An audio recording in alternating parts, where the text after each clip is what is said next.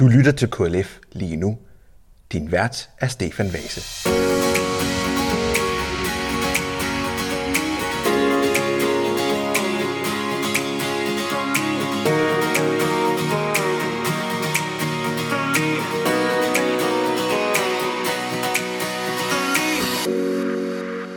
Velkommen til øh, KLF lige nu. Mit navn det er Stefan Vase, og jeg er jeres øh, vært i dag. Over for mig der sidder KLF's generalsekretær Michael Arndt Larsen. Velkommen til. Tak for det. Vi har øh, tre emner foran os, og lad os, vi kan lige så godt bare gå i gang med at snakke om øh, påsken på tv. Der havde du jo et øh, debatindlæg i Chris lørdag den 9. april, hvor at du sagde, skrev noget øh, interessant omkring øh, påsken i radio-tv. Hvad er det for noget, vi konstaterer omkring påsken i radio? Jamen altså, vi valgte jo helt grundlæggende at sige, øh, har de glemt det? Altså har, har DR glemt, at det er påske? Og det er jo ikke fordi, der ikke er programmer, der handler lidt om noget, der har med påske at gøre. Det er der. Men vi savner bare det der, hvad skal man kalde det, sådan lidt commitment. Altså det der med, at man, at man tager public service forpligtelsen alvorligt, og gå ud og sige, hov venner, påske det er den største kirkelige højtid, det skal danskerne vide noget om. Altså vi savner at kunne mærke, at det her det virkelig betyder noget for DR. Øh, særligt DR, og når jeg siger DR, så er det jo ikke fordi, at de andre medier ikke må være med. Altså vi, vi har bare øh, måske endnu større udfordringer, når vi taler TV2 og, og nogle af de andre public service kanaler, altså Radio 4 og 24-7, der har vi svært ved at se, at de overhovedet forstår, at der faktisk er noget, der hedder højtider. Så vi har en særlig forventning til DR, fordi det trods alt øh, sådan traditionelt er der, vi finder øh, kirke og trostoffet. Men vi savner simpelthen en oplevelse af, at, at de synes, påsken er vigtig. Mm. Øh, og det synes vi, den er. Øh, vi synes, de kirkelige højtider er vigtige, ikke kun for os som, som kirkefolk, men i det hele taget for vores samfund, fordi det præger vores samfund. Mm. Øh, så, så det er vores øh, overskrift, det er, jamen, har de glemt, at det er påske? Mm.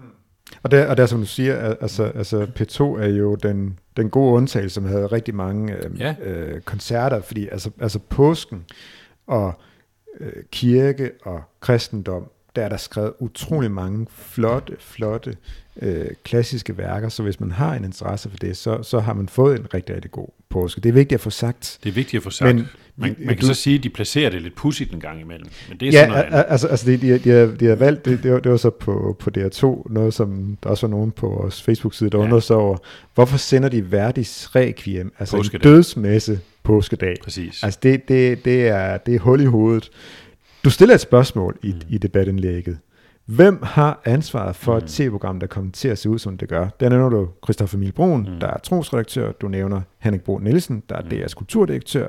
Og så nævner du så den øh, afdeling, der er kommet i DR, der hedder Bruger, Marked og Publicering, som, hvad kan man sige, tilrettelægger øh, tv- og radioprogrammer. De har det overordnede ansvar, ja. kan man sige, på den måde, ja. Hvis vi skal prøve, altså Christoffer Emil Brun, hvordan oplever du ham i forhold til det med højtiderne? Jamen, jeg oplever, at Christoffer, som er, er leder af trosredaktionen, han er øh, meget, meget, meget øh, engageret i det her stofområde. Han brænder for det. Øh, han vil rigtig gerne have det her stofområde til at blomstre. Øh, det er mit billede af ham. Øh, men jeg føler nok, at han måske er i en, en virkelighed, som begrænser ham mere, end han selv havde tænkt sig. Øh, så for mig at se, og det er også det, der præger de samtaler, jeg har med Christoffer, det er altså, at, at her er der en person, som faktisk gerne vil øh, området øh, men som ikke har øh, magt nok, kan man sige, til at, at få sine ønsker igennem. Det er mit billede. Mm. Ja. Han, han, han havde jo faktisk et, et, et program i, øh, i påsken, som han var med til at producere, det hedder Tro, Håb og Krise, som faktisk også har fået nogle, nogle gode reaktioner på, som øh, øh, det kan stadig ses på DRTV, hvis man har adgang til den øh, platform. Det har vi alle jo. Men hvis man bruger den platform, ja. så kan man gå ind og søge på Tro, Håb og Kriser, som handler om en, om en, om en, om en sygehuspræst, der taler med både øh, læger og patienter og pårørende om de her eksistentielle kriser, de står i, når de er blevet indlagt på sygehuset. Så der har været noget, men det der er så interessant ved det program, det er, at det handler jo ikke som sådan om påske. Slet ikke. Og, så, og det program kunne være sendt på et hvilket som helst tidspunkt. Mm. Og ja. det ville have været rigtig, rigtig fint, mm. så der var plads til noget, noget mm. reelt påskestof ja. i påsken. Ja. Så man kan sige, vi, vi, vi oplever egentlig bare for at konkludere det, altså Christoffer Emil Brun, han, øh, han vil det egentlig gerne, og har så egentlig også leveret et, et, et, et, et, et fint program i påsken. Man kan så sige, som, som mm. gør, det handler ikke om påske. Men, øh, ja. Og det er det, vi savner. Mm. Det er jo det, der er galt. Vi vil jo mm. rigtig gerne have kirke- og trosprogrammer spredt mm. ud over året, og det her program, det er et rigtig godt eksempel på det. Mm. Men vi savner, at man særligt lægger vægt på de her højtider. Mm. Hvorfor er det så, du nævner Henrik Bo Nielsen? Men Henrik Bo Nielsen er jo kulturdirektør. Altså han er egentlig den, der sådan på indholdsområdet er den øverste ansvarlige for det her stofområde. Og ham har vi generelt en rigtig god dialog med. Han forstår, hvad det er, KLF Kirke og Medier står for, og hvad det er, vi brænder for, og hvad det er, vi gerne vil. Øh, og han har flere gange også sagt, både øh, til mig direkte, men også til citat øh, i interviews, at kirke- og trosstofområdet betyder meget for DR. Øh, så på den måde føler jeg jo, at vi har en repræsentant der, i hvert fald en, en sådan delvist ambassadør der, som, som vil det her stofområde, øh, og som også har en del magt. Han sidder jo trods alt højt op i systemet og er direktør. Øh, så der oplever vi sådan set også ret stor imødekommenhed. Ja, og så stiller vi jo spørgsmålet i debatindlægget, jamen hvad så? Hvorfor, hvorfor sker der så ikke mere, hvis vi har en, en chef for trostoffet, Christoffer, som, som sidder med, med hænderne helt nede, dybt nede i, i materien, og vi har en kulturdirektør, som egentlig også øh, brænder for det her stofområde. Hvorfor er der så ikke mere? Og så er det, vi jo stiller et spørgsmål i vores øh, debatindlæg og siger, jamen, hvem er det så? Og der har vi den der lidt kryptiske afdeling, som før hed ja, det ved jeg ikke, om jeg kan tillade mig at sige, men det gør jeg nu alligevel, som før hed DR Medier, som er sådan en tilrettelæggerafdeling, som går ind og siger, jamen, hvad er det for en profil, vi vil have på de forskellige kanaler, hvordan skal hele det her, hele den her store sendeflade, hvordan skal det puslespil lægges?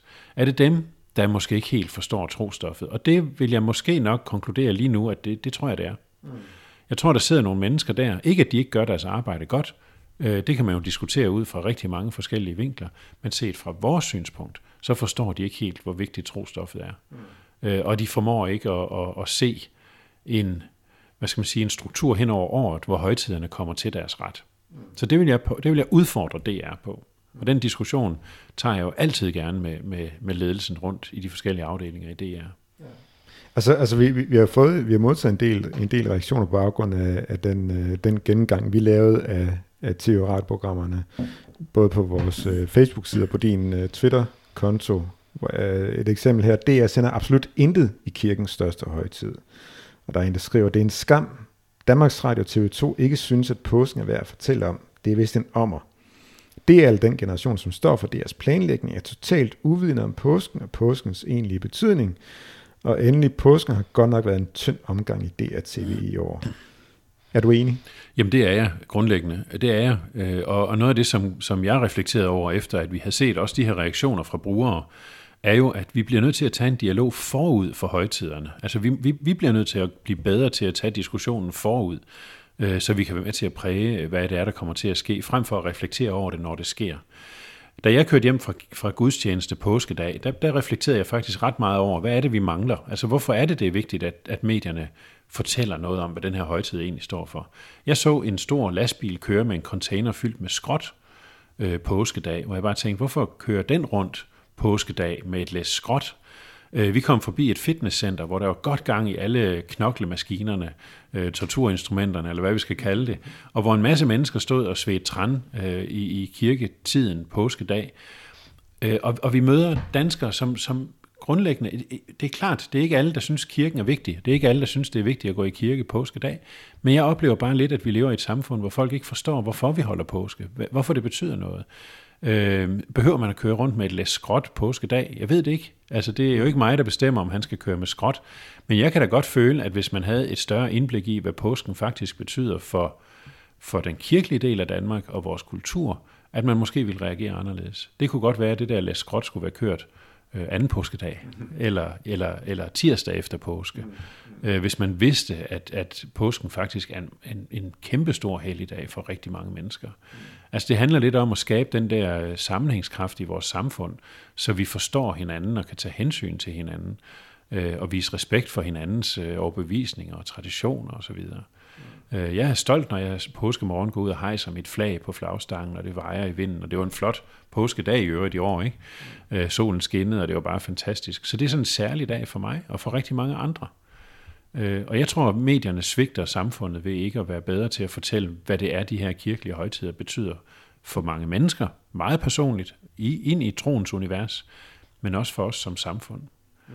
Og, og så er det, jeg bliver lidt ked af, at særligt Danmarks Radio, men i virkeligheden også de andre. Jeg har så meget lyst til at trække de andre med, fordi de andre har ikke sådan øh, frikort til at lave ingenting på trosområdet. De er bare ikke så gode til det. Mm.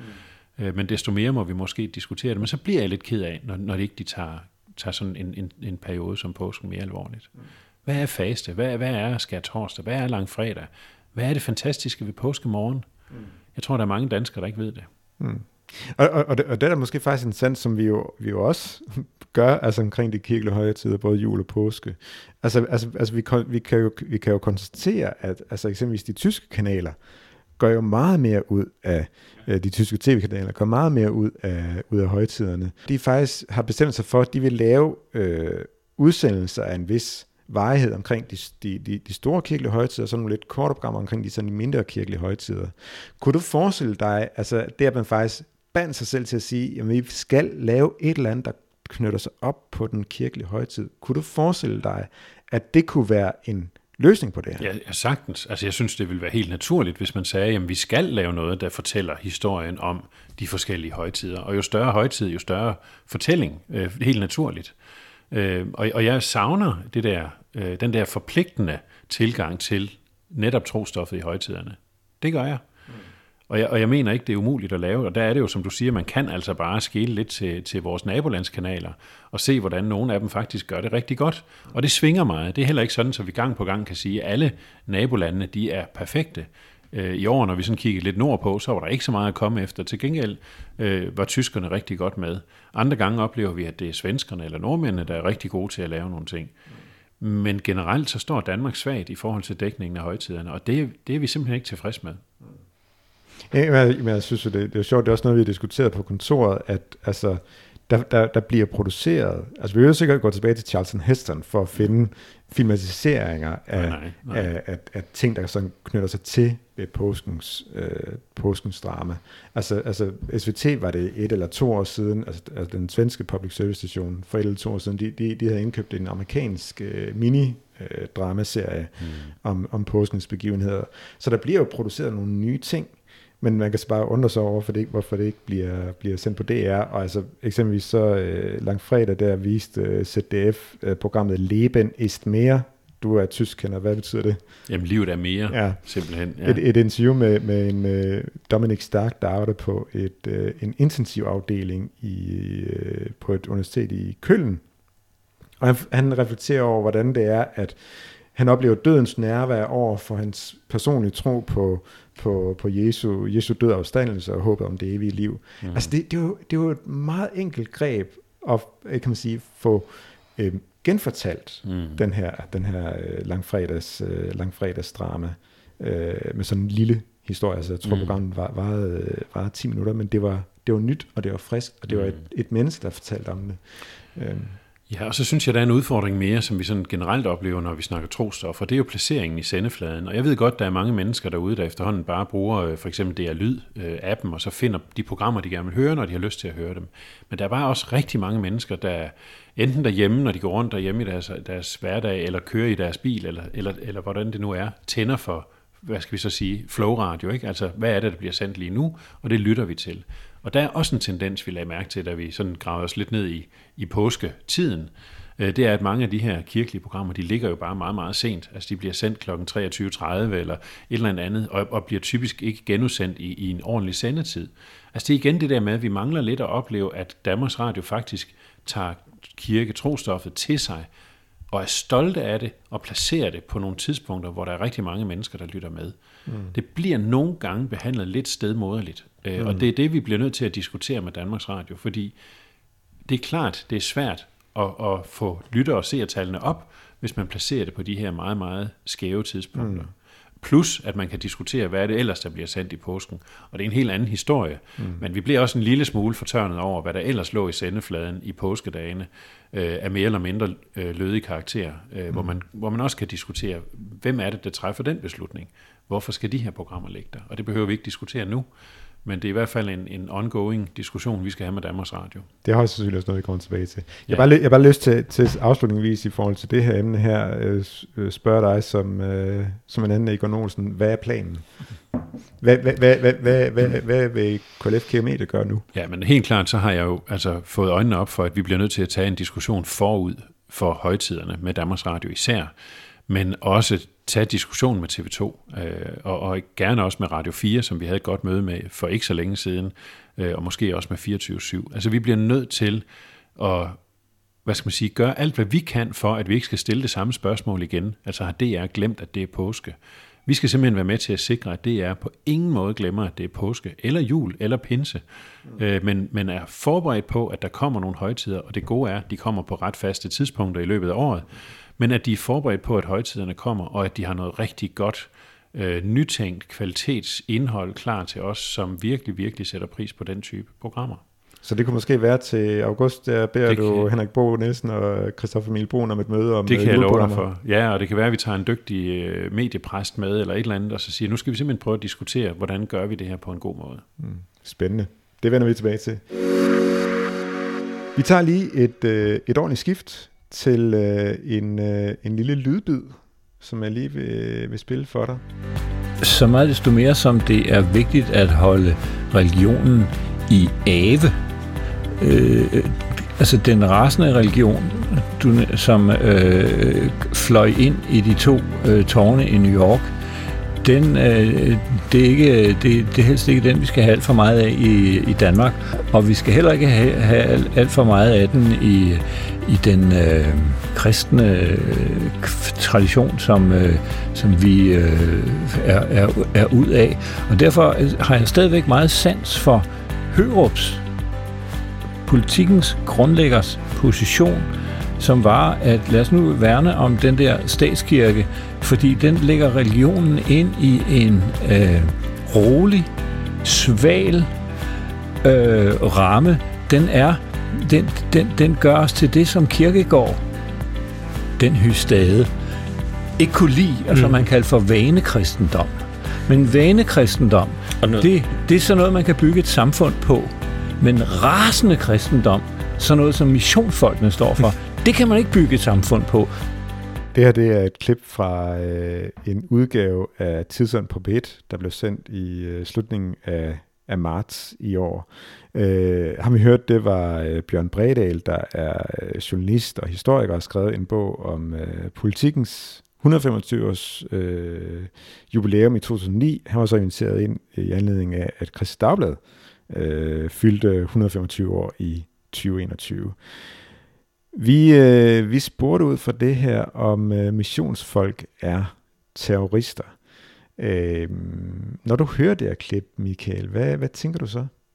Ja, altså vi, vi må jo lige begynde med at sige måske også, at han forsvarer sig og siger, at det er bestemt ikke det, han mener.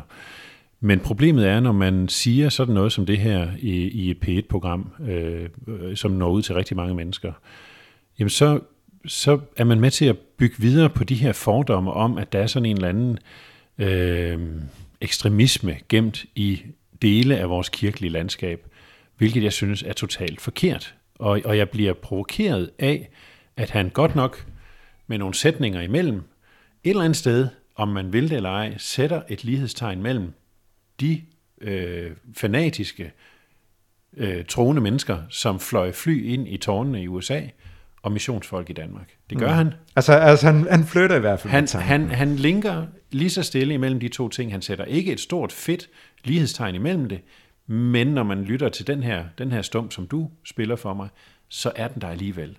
Mm. Og det provokerer mig, og det tror jeg provokerer rigtig, rigtig mange andre i det kirkelige landskab. Og det er jo fordi, han tager udgangspunkt i en eller anden overbevisning om, at kirken skal helst bare være sådan en, øh, en lille smule bedøvet enhed, som er med til at skabe noget sammenhængskraft i vores samfund, fordi der er nogle gode traditioner, og på den måde kan vi sådan bygge noget op, som giver mening. Og fordi han ikke forstår, at evangeliet er sprængstof i virkeligheden, som jeg ser det. Altså, vi har lige fejret påske, ikke? Jeg, jeg har stadigvæk den der påskebegejstring i mig. Øh, og, og den tro, som, som kristendommen er, vil bare ud i verden. Og den kan man ikke lægge i narkose, øh, fordi så dør den. Og det, det forstår han ikke. Og så er vi tilbage ved et emne, som jeg elsker at diskutere, og, og jeg skal nok prøve at styre mig her, men det er, vi er tilbage ved fordomme og den her forståelseskløft, som vi gang på gang oplever mellem, ja, som her igen, en journalist øh, og den troende verden. Mm. Ja, ja, man kan sige det, det der med, altså det kan godt være, at, at han ikke sådan direkte kobler de to ting sammen, men han flytter med tanken, og så, hvad kan man sige, reproducerer nogle fordomme, som der måske er eller som der højst sandsynligt er ude i vores samfund, ja, omkring, at, at, at der er visse dele af, af, af, af, af kirkedanmark, der er lidt mere tosset end andre dele af, af Kirke Danmark. Øhm, jeg spurgte jo først, øh, først Christoffer Milbroen, hvad, hvad, hvad tænkte han selv om det? Han, han, han oplevede det faktisk ikke på samme måde, men jeg tror også, at, at hvis man, kan, at man gør sig selv en tjeneste ved at høre hele udsendelsen, Absolut. det gør os ind på det, det skal man altid det, gøre. Det, det, det, det er virkelig en meget, meget interessant udsendelse. Det er også, altså, der er jo flere gange, hvor det slog gnist af det her, i, den, i den her udsendelse. Jeg, jeg synes virkelig, det var interessant at høre øh, de, de, to, øh, de to snak omkring politikens øh, værdigrundlag og Christablers værdigrundlag. Øh, jeg spurgte også øh, Kurt E. Larsen, der er kirkehistoriker, omkring den her, det her udsagn her fra Bjørn Breal. Og han henviste til en meget interessant øh, udsagn fra Kai Munk, som øh, skrev det her i 1941. Hvor længes man efter de gamle, rasende missionsfolk? Det var løgn, det de prædikede, ja vel, men sandhedens liv var i det. Hvad nytter med den sandhed, der er friseret ihjel? Citat slut. Det er jo lidt det samme, som du siger, jamen der, der er måske noget, som, som øh, bare ikke er, altså kan gemmes væk, pakkes væk, og der, der, der er, som du siger, påskens budskab, det er der noget sprængkraft i, men mm. det er en anden form for sprængkraft, end at flyve to fly ind i en Absolut. bygning i New York i Absolut. 2001. Ja, absolut. Øhm, ja, jeg spurgte også, øh, jeg spurgte også øh, Jens Midum Madsen, om der på nogen måde kan være en berettigelse i det, som Bjørn Bredal har sagt. Og der, der, der, der henviser han til, til, et, til et gammelt mundhæld omkring øh, altså, sådan dansk kultur. Øh, tungen er fri, men hånden er bundet. Og det der med, jamen altså, vi, vi alle, både, både missionsfolk og alle mulige andre, har jo lov og ret til at sige, hvad de vil, Mm. men hånden er bundet. Altså vi gør det aldrig nogensinde Mm. ved gennem vold. Det, det, er, det er ekstremt udansk. Øhm, og han har aldrig nogensinde oplevet noget som helst, der kunne, altså Jens Medum Madsen, der noget som helst kunne antyde, at missionsfolk bruger antidemokratiske øh, midler. Mm. Øhm, jeg spurgte øhm, Bjørn Bredal, hvor han lyst til at stille op og forklare, hvad det var for noget, han, han, øh, hvad det var, han mente. Det havde han ikke tid til. Han, øh, han skrev til mig, at han har respekt for missionsfolks engagement, men at han reagerer på følelsesladede vækkelser og sektstemningen. Øh, jeg spurgte ham direkte, hvilke ligheder sætter mellem missionsfolk og terrorister, når du omtaler begge grupper som rasende. Ingen ligheder overhovedet, skrev han tilbage. Så han lægger jo afstand Mm. til, til, til, til udtalelsen, som, som, den, øh, som den kom i tidsånd. Er det en familieomstændighed? Nej, Altså han lægger afstand til den, når vi spørger ham. Øh, han har jo stadigvæk sagt det, han har sagt, øh, og det er jo ikke, det er jo ikke fordi, at DR har været ude og, og, og dementere det, eller på en eller anden måde trække det tilbage, eller, eller redigere programmet om, eller et eller andet vel. Så det, det er jo sådan lidt en, en, en, en lidt nem måde at slippe om ved det på. Jeg tror, mange ikke øh, mange, der ikke er engageret i kirkelig sammenhæng i Danmark, har svært ved at forstå den der kompromilløshed, der er i tro. Og det er det, der provokerer folk. Jeg tror også, det er det, der provokerer ham. At, at tro er ikke, det er ikke noget, du kan gå hen og, og, og, og justere lidt på. Altså, hvis du virkelig tror på, at, at Gud har skabt verden, at Jesus er Guds søn, han er stået op fra de døde, og han frelser mennesker, så kan du ikke gå på kompromis med det. Du kan ikke gå og sige, jamen jeg tror øh, 80% på det, og så skruer vi lige lidt på det her, der bliver lidt for provokerende for den almene dansker, fordi, nå ja, det kan vi godt forstå, vi bliver nødt til at, nu brugte jeg før begrebet, lægge det lidt i narkose, så vi dæmper det lige lidt, ikke? fordi det må ikke blive provokerende. Men troen er kompromilløs, og det, den diskussion får vi i rigtig mange sammenhænge. Øh, det handler om, om diskussionen om omskæring af drenge ind i, ind i den jødiske og den muslimske tro. Det handler om øh, synet på abort, som er en evig etisk diskussion, som folk har rigtig svært ved at forholde sig til, og mange andre diskussioner. Det handler om at opdrage børn i en kristen tro, hvis man er en kristen familie, så, hvor, hvor nogle øh, politikere, har jeg hørt, har været ude at sige, det skal børn selv tage stilling til, når de bliver 18 år osv. En mangel på forståelse for, at troen er kompromilløs, men ikke har noget som helst med terror at gøre i vores sammenhæng. Altså, øh, det er mange, mange, mange, mange hundrede år siden, at kristne drog på, på korsfarer-togter til, til Mellemøsten for at slå folk ihjel, hvis ikke de troede. Øh, vi har en helt anden tilgang til det. Og det er bare et budskab, vi så gerne vil ud med som kristne, men som vil støde mennesker i et eller andet omfang. Og det kan man ikke ændre på. Og derfor bliver jeg så provokeret af det her, fordi han sætter lighedstegn, eller lad os så sige et lille bitte lighedstegn, imellem to så forskellige ting. Mm, mm. Ja.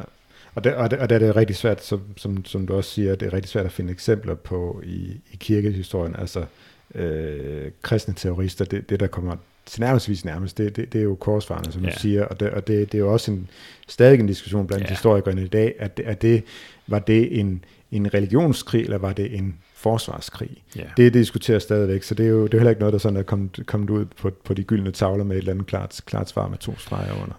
Øhm, Men ja. pointen er igen, at vi mangler den der forståelse mm. for, hvad det vil sige at være et troende menneske. Mm. Øh, I 2022. I 2022. Ja, ja. Hvad er det? Hvad, hvad vil det sige at være kristen? Hvad vil det sige at være muslim eller jøde? Men nu er det så kristne, vi primært beskæftiger os med. Øh, og så kan vi forhåbentlig, hvis, hvis det var, og igen, hvis medierne var bedre til at dække det, hvis medierne var bedre til at fortælle den der historie, eller lade folk komme til ord, så de kan fortælle deres egen historie, så tror jeg, vi kunne få brudt nogle af de der fordomme ned, og vi kunne undgå den her ja, øh, det her ønske om, at, at kirke og tro skal bare være sådan et eller andet summen i baggrunden. Øh, nej, så vil vi måske få en større respekt for, at det er faktisk en del af vores verden, øh, og det vil det blive ved med. Det sidste emne, vi skal snakke om, det er medieforhandlingerne. Du, øh, du er ved at få kalenderen fuld med møder med politikere? Ja, altså øh, både og. Øh, vi har heldigvis møder med, med politikerne, med medieordførerne. Det er jo dem, vi primært forholder os til. Øh, men, men vi så jo gerne, at de sidste medieordfører også meldte sig på banen, så vi kunne få en dialog med dem. Men jeg synes, vi kommer bredt omkring i det politiske landskab, og det er jo det, der er vigtigt for os. Øh, KLF er en parti-upolitisk organisation, så vi har ikke nogen særlige præferencer til højre eller til venstre øh, i det politiske landskab. Vi vil rigtig gerne frem med vores ønsker, vores holdninger til, hvordan medierne burde være øh, til så mange politikere som muligt. Øh, og det arbejder vi på, så, så vi forhåbentlig et eller andet sted kan få nogle af politikerne til at tænke, hov, det var faktisk en spændende idé, de kom med der. Den tror jeg, jeg skal tage med. Øh, fordi pointen er jo, at vi sidder ikke med til forhandlingerne. Det gør medieordførerne. Øh, det gør politikerne. Øh, og derfor bliver vi nødt til at fodre dem med så mange gode idéer som overhovedet muligt. Og der, der har vi jo lavet i KLF Kirke Media en, øh, en liste med 12 øh, idéer, som ja. vi skal gennemføre i, øh, i medieforhandlingerne. Hvad vil du sådan trække frem fra den, øh, fra den liste? Jeg synes i hvert fald, altså det er en lang liste. 12 punkter vil vi i hvert fald ikke gennemgå her. Og, og jeg synes, den lytter, der, der tænker, det kunne da være interessant at læse hele listen, kan jo finde den inde på vores hjemmeside øh, med alle de 12 punkter. Jeg synes, øh, vi har nogle idéer, som er sådan lidt banebrydende, øh, som man måske ikke lige har set eller hørt før. Øh, og det er for eksempel, at vi mener, at, at TV2's øh, hovedkanal burde være frit tilgængelig på TV2 Play i Flow-versionen. Og det, nu bliver det sådan lidt teknisk, men det handler om, at vi synes, at øh, da TV2 blev skabt i sin tid, der var den jo tænkt som et modspil til Danmarks Radio. Og i dag, der tror jeg, at rigtig mange brugere oplever, at TV2 er gemt væk inde bag sådan en betalingsmur. Man skal købe sig adgang til nogle pakker, eller man skal abonnere på de rigtige tv-tjenester, de rigtige tv-pakker, for at få adgang til TV2's indhold. Øh, og det kunne vi godt tænke os at ændre lidt på, og sige, jamen hov, vi har i forvejen, der findes et univers, der hedder TV2 Play, hvor TV2 jo øh, tilbyder forskellige abonnementer.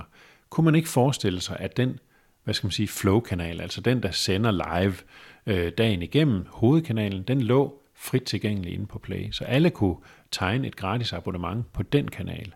De vil ikke kunne gå tilbage og se tidligere afsnit af Badehotellet. De vil ikke kunne øh, ja, øh, gå ind og, og streame programmer, som bare ligger i streamingtjenesten i sig selv, men de vil kunne se, hvad bliver der sendt på hovedkanalen lige nu.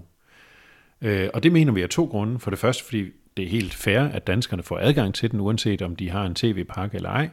Og for det andet, så tror vi faktisk også, det vil skabe en nysgerrighed i forhold til TV2's øvrige indhold. Så jeg tror, at vores forslag, det kan godt være, det vil øh, øh, lige skulle gennemtænkes, hvordan gør man det her i praksis, men så tror jeg faktisk, det vil skabe endnu mere øh, interesse for TV2's indhold. Så vi åbner op for noget gratis, og til gengæld skaber en nysgerrighed for alt det andet, der findes.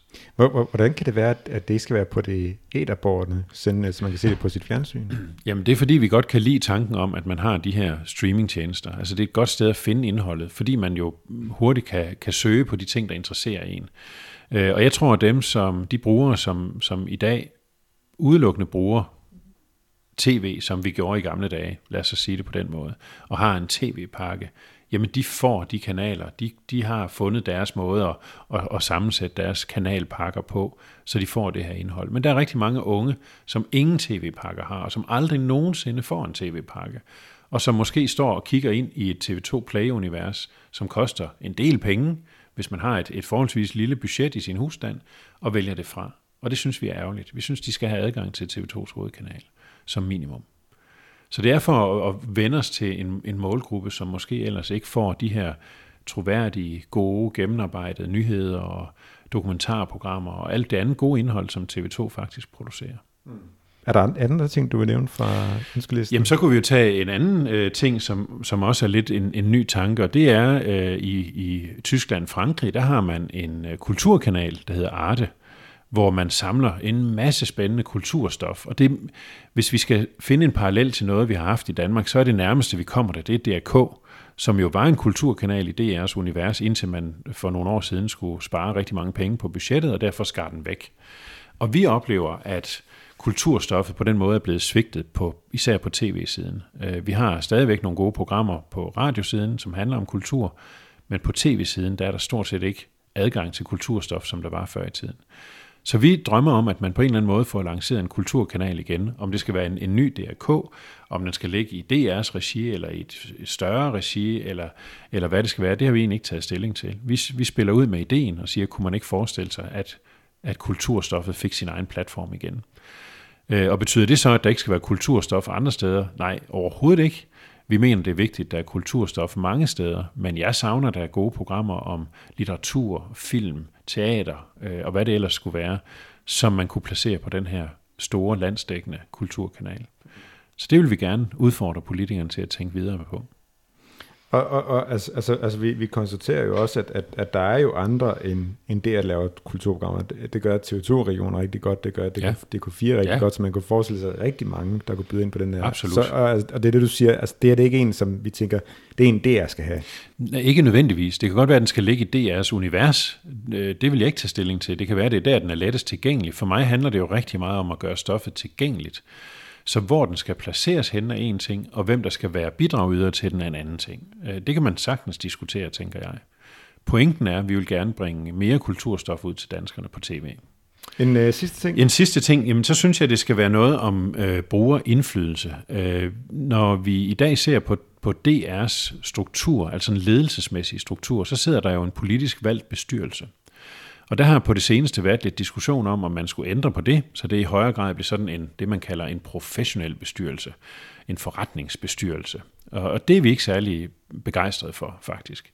Øh, vi mener, at den rigtige model, man kunne gå efter, det var at kigge lidt til TV2-regionerne, og så se på, hvordan de jo mange, mange steder på, på meget, meget flot vis har sammensat et repræsentantskab af brugere, af forskellige foreningsinteresser osv., fra deres sendeområde, som så vælger en bestyrelse. Og det kunne vi godt tænke os, at den model den på en eller anden måde blev bragt i spil i forhold til DR. Et repræsentantskab med, med bred brugerrepræsentation, øh, som vælger DR's bestyrelse. Det er vores øh, forslag, og selvfølgelig skal øh, mediebrugerorganisationerne også have en plads, mm. øh, fordi vi faktisk repræsenterer rigtig mange brugere. Men man kan sige, du, du oplever jo også, at altså, DR selv efterlyser en mere professionel bestyrelse. Er, er det her ikke noget, der peger sådan lidt i en anden retning? Nej, det synes jeg ikke, og, og jeg synes måske også i virkeligheden, deres ønske er lidt misforstået. Altså, jeg ser jo DR som en, en super professionel organisation, når man ser på generaldirektør og ledelse og så videre i selve DR byen, jamen så sidder der top professionelle mennesker. Så der er masser af professionalisme til stede allerede i, i organisationen og hele vejen ned igennem deres struktur. Øh, og jeg synes, vi kan trække en hel masse positive erfaringer ud af de steder, hvor man har en, en bruger valgt bestyrelse. Det kan godt være, at de ikke øh, har øh, den der samme øh, sådan umiddelbare business tilgang til det at være i en bestyrelse, men de har måske nogle helt andre, meget væsentlige kompetencer omkring netop, hvad er det for en kultur, vi vil have. Hvad vil det sige, at, at DR skal være dannende og skabe fællesskab og demokratiforståelse og alle de der ting, og det tror jeg faktisk ikke handler om professionalisme, det handler om engagement og passion. Mm. Og den bestyrelse kunne godt sammensættes af et repræsentantskab. Og så tror jeg i øvrigt på vores demokrati i Danmark. Så hvis der var et repræsentantskab, der skulle vælge DR's bestyrelse, så tror jeg faktisk også, at det her repræsentantskab ville vælge de mest kompetente kandidater øh, til DR's bestyrelse. Og det synes jeg kunne være rigtig spændende. Mm. Så jeg tror, det er en misforståelse, at man tænker så meget i professionel bestyrelse. Øh, en, en brugervalgt øh, bestyrelse kan bestemt også være professionel, men jeg tror, den kommer med nogle andre kompetencer. Og, og nu kan man sige, at vi, vi sidder begge to i bestyrelsesarbejde uden for KLF, for at sige, det ja. løser vi kan snakke om her. Og, det, og jeg tror også, der sker også det, når man sidder i en bestyrelse, man tager jo lidt farve af den organisation, man så har fået ansvar for. Ja, selvfølgelig. Så det er ikke fordi, at man sidder der og, og øh, løber rundt på bordene og laver ting, der ikke har noget med det, altså det seriøse bestyrelsesarbejde at gøre. Mm. Og som du siger, demokratiet det er også en, en det skal man også tro på, at det er, en, det er en sikring, der gør, at det er de bedst egnede, der så får Præcis. opgaven. Jeg har også lyst til at nævne, at, at, at helt tilbage, da, da, vi, da, da statsradiofonien blev etableret i 1926, der, der var den her diskussion omkring brugerindflydelse var virkelig central for etableringen af det første radioråd. Øh, altså den gamle DR's bestyrelse, altså statsradiofoniens øh, øverste bestyrelse, radiorådet. Der, der blev det faktisk bestemt for at sikre en folkelig berettigelse, folkelig legitimitet bag statsradiofonien, så skulle der være en, en, en, en øhm, brugervalgt bestyrelse. Det var ikke alle i den bestyrelse, der, der, var, der var brugervalgt. Der var også embedsfolk, der var politikere, der var mediefolk, men der var også pladser, der var reserveret mm. til mediebrugerorganisationerne. Øhm, er det det, du drømmer dig tilbage til? Nej, det er det egentlig ikke. Jeg ser det meget bredere end det. Altså, jeg kunne virkelig godt tænke mig, at det blev et, et, en bestyrelse, der blev valgt af, af, af Danmark. Altså af, af danskerne af foreningslivet, af, af de mange forskellige interesser, af kirkelivet, af, af de politiske partier, ja, i en eller anden form, men ind i, i, i et fælles demokratisk univers. Der skal ikke være nogen, der håndplukker nogen og siger, det er dig og dig, der skal sidde der. Øh, vi skal have en, en, en åben og, og demokratisk di- diskussion om, hvem det er, der skal sidde i DR's ledelse. Øh, og når du nu snakker, nu nævner du historikken og det her med, at det er vigtigt at inddrage brugerne, så må vi også sige, at vi lever i en fattig tid, hvad det angår. Øh, da jeg begyndte i KLF for, for cirka 10 år siden, der havde vi dialogforer i de forskellige øh, øh, DR's regionale områder. Vi havde en DR-dag, hvor brugere kunne komme ind og møde ledelsen i Danmarks Radio osv. Der var en langt større inddragelse af brugere. Og der har man på en eller anden måde kastet håndklæden i ringen og sagt, det kan vi ikke, vi får ikke nok ud af det, det giver ikke nok mening. Øh, og det igen, så kommer den her professionelle tænkning ind og siger, jamen hov, hvad handler det om? Er det et spørgsmål om, at der skal sidde nogle brugere, som kan, kan øh, lave et nyt budget for DR, øh, så alle pengene, det hele går op, og, og, og nu kan vi lave det, vi vil? Eller er det et spørgsmål om at inddrage nogle brugere, som faktisk, for, for hvem det her stof, der bliver sendt på Danmarks Radios kanaler, betyder noget? Mm. Mennesker, der sidder derhjemme og tænder for fjernsyn, tænder for radioen, og har glæde af det, der bliver produceret. Mm er det ikke lige så vigtigt at høre, hvad de mennesker mener, end hvad den økonom, der måske kan få budgettet til at gå op, mener? Det er bare sådan for at karikere det en mm, lille smule.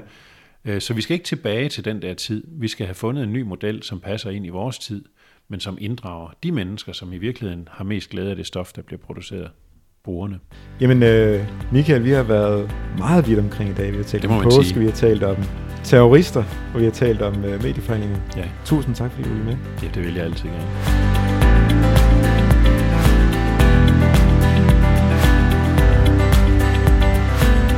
Lyt til podcast fra KLF på lytklf.dk. Har du lyst til at deltage i debatten om medierne, kan du følge os på Facebook. Du kan også reagere på programmer fra radio og tv på vores hjemmeside klf.dk.